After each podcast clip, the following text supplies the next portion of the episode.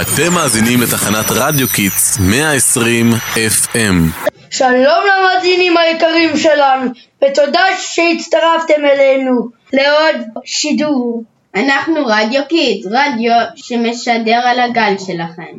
היום רצינו לדבר על אדם מאוד מיוחד, הרב הראשי האשכנזי הראשון של מדינת ישראל. הרב אברהם יצחק הכהן קוק היה שמו המלא. הרב נולד בלטביה בשנת תרכ"ה וכבר מגיל צעיר נחשב לעילוי לתלמיד מוכשר.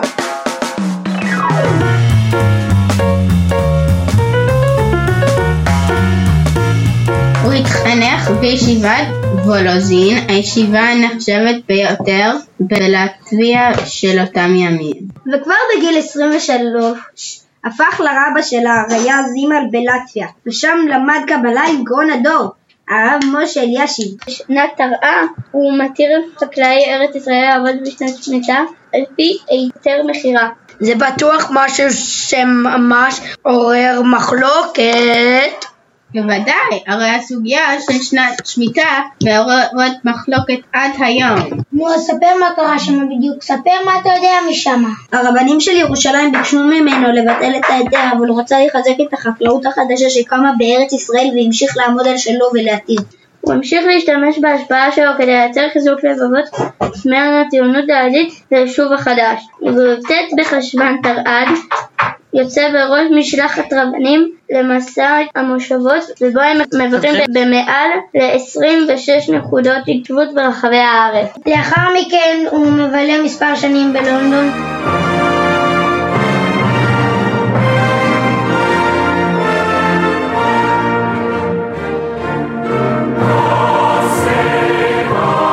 שם הוא פועל כדי לקרב את ראשי הקהילות היהודיות למפעל ציוני ולהבטיח את ציון בניין הארץ, ארץ ישראל מהמציאים שלו נושאים פרי והוא אחד מהמשפיעים שבזכותם ניתן הצהרת בלפור. הטבעית וההיסטורית ועל יסוד החלטת עשרת האומות המאוחדות אנו מכריזים בזאת על הקמת מדינה יהודית בארץ ישראל היא מדינת ישראל. מה זו הצהרת בלפור? זה נשמע מוכר? אמא סיפרה לי על זה, זו הצהרה שבה הבריטים הביעו הסכמה לבנייה של בית יהודי בארץ ישראל. אמא שלך סיפרה לך את זה? זה נתן גושפנקה לעבודה של שניים כדי לקיים כאן יישוב יהודי. אבל מה קורה אחרי כן? שלוש שנים אחר כך הוא מייסד את מוסד הרבנות הראשית והופך לרב הראשי הראשון של ישראל. אשכנזי כמובן. במסגרת התפקיד שלו הוא ממשיך לפעול לחיזוק יסודות הדת בארץ ולימוד התורה.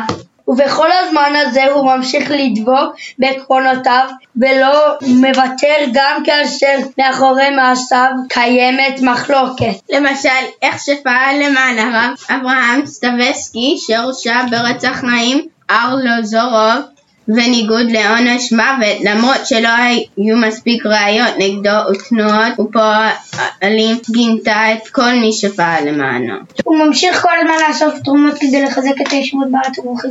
הוא נחשב איש משכמו ומעלה שרבים העריכו את פועלו ונחשב לאחד מגדולי התורה של ישראל. ואפילו שהוא נפטר רק בגיל 69 הוא כתב מאות מאמרים בספרים במהלך חייו שממשיכי דרכו מלמדים מהם עד היום.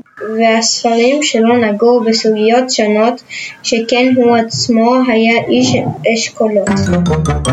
קוק. השם בעברית שום דבר, אבל ביידיש השפה הראשונה שלו, קוק זה הבית עורר. וואו, זה מעניין, אולי כדאי שתחתך את היידיש שלי, באמת. יכול להיות שיש עוד הרבה דברים שאני מפספס. למרות שהרב נפטר לפני קום המדינה בשנת תרצ"ה, פועלו תרם רבות לכינון בית יהודי בארץ ישראל. מעשיו האדירים וכתביו ממשיכים להשפיע עד היום ומידותיו הטובות משמשות למודל לחיקוי, לנו ובעתיד גם לילדיי. תודה רבה לך הראי"ה. ותודה לכם מאזינים יקרים שהקדשתם לנו מזמנכם. ושיהיה יום נהדר בעזרת השם מרדיו קול נועם עמית רעננה. ביי ביי.